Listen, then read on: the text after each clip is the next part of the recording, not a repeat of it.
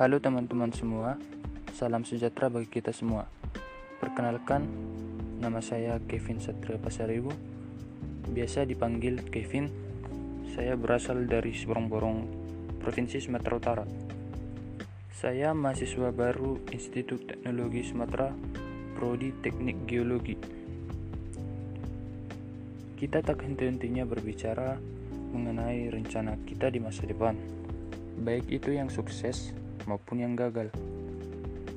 Kalau berbicara mengenai rencana di masa depan, saya juga punya. Rencana saya di masa depan yaitu satu, mendapat melaksanakan kewajiban sebagai seorang mahasiswa. Dalam artian, kita dapat bertanggung jawab dengan apa yang sudah diperintahkan. Yang kedua, dapat berteman dengan orang yang bisa mengarahkan kita ke arah yang benar dan dapat membantu kita di masa-masa sulit. Yang ketiga, bijak dalam mengatur keuangan sebagai anak kos.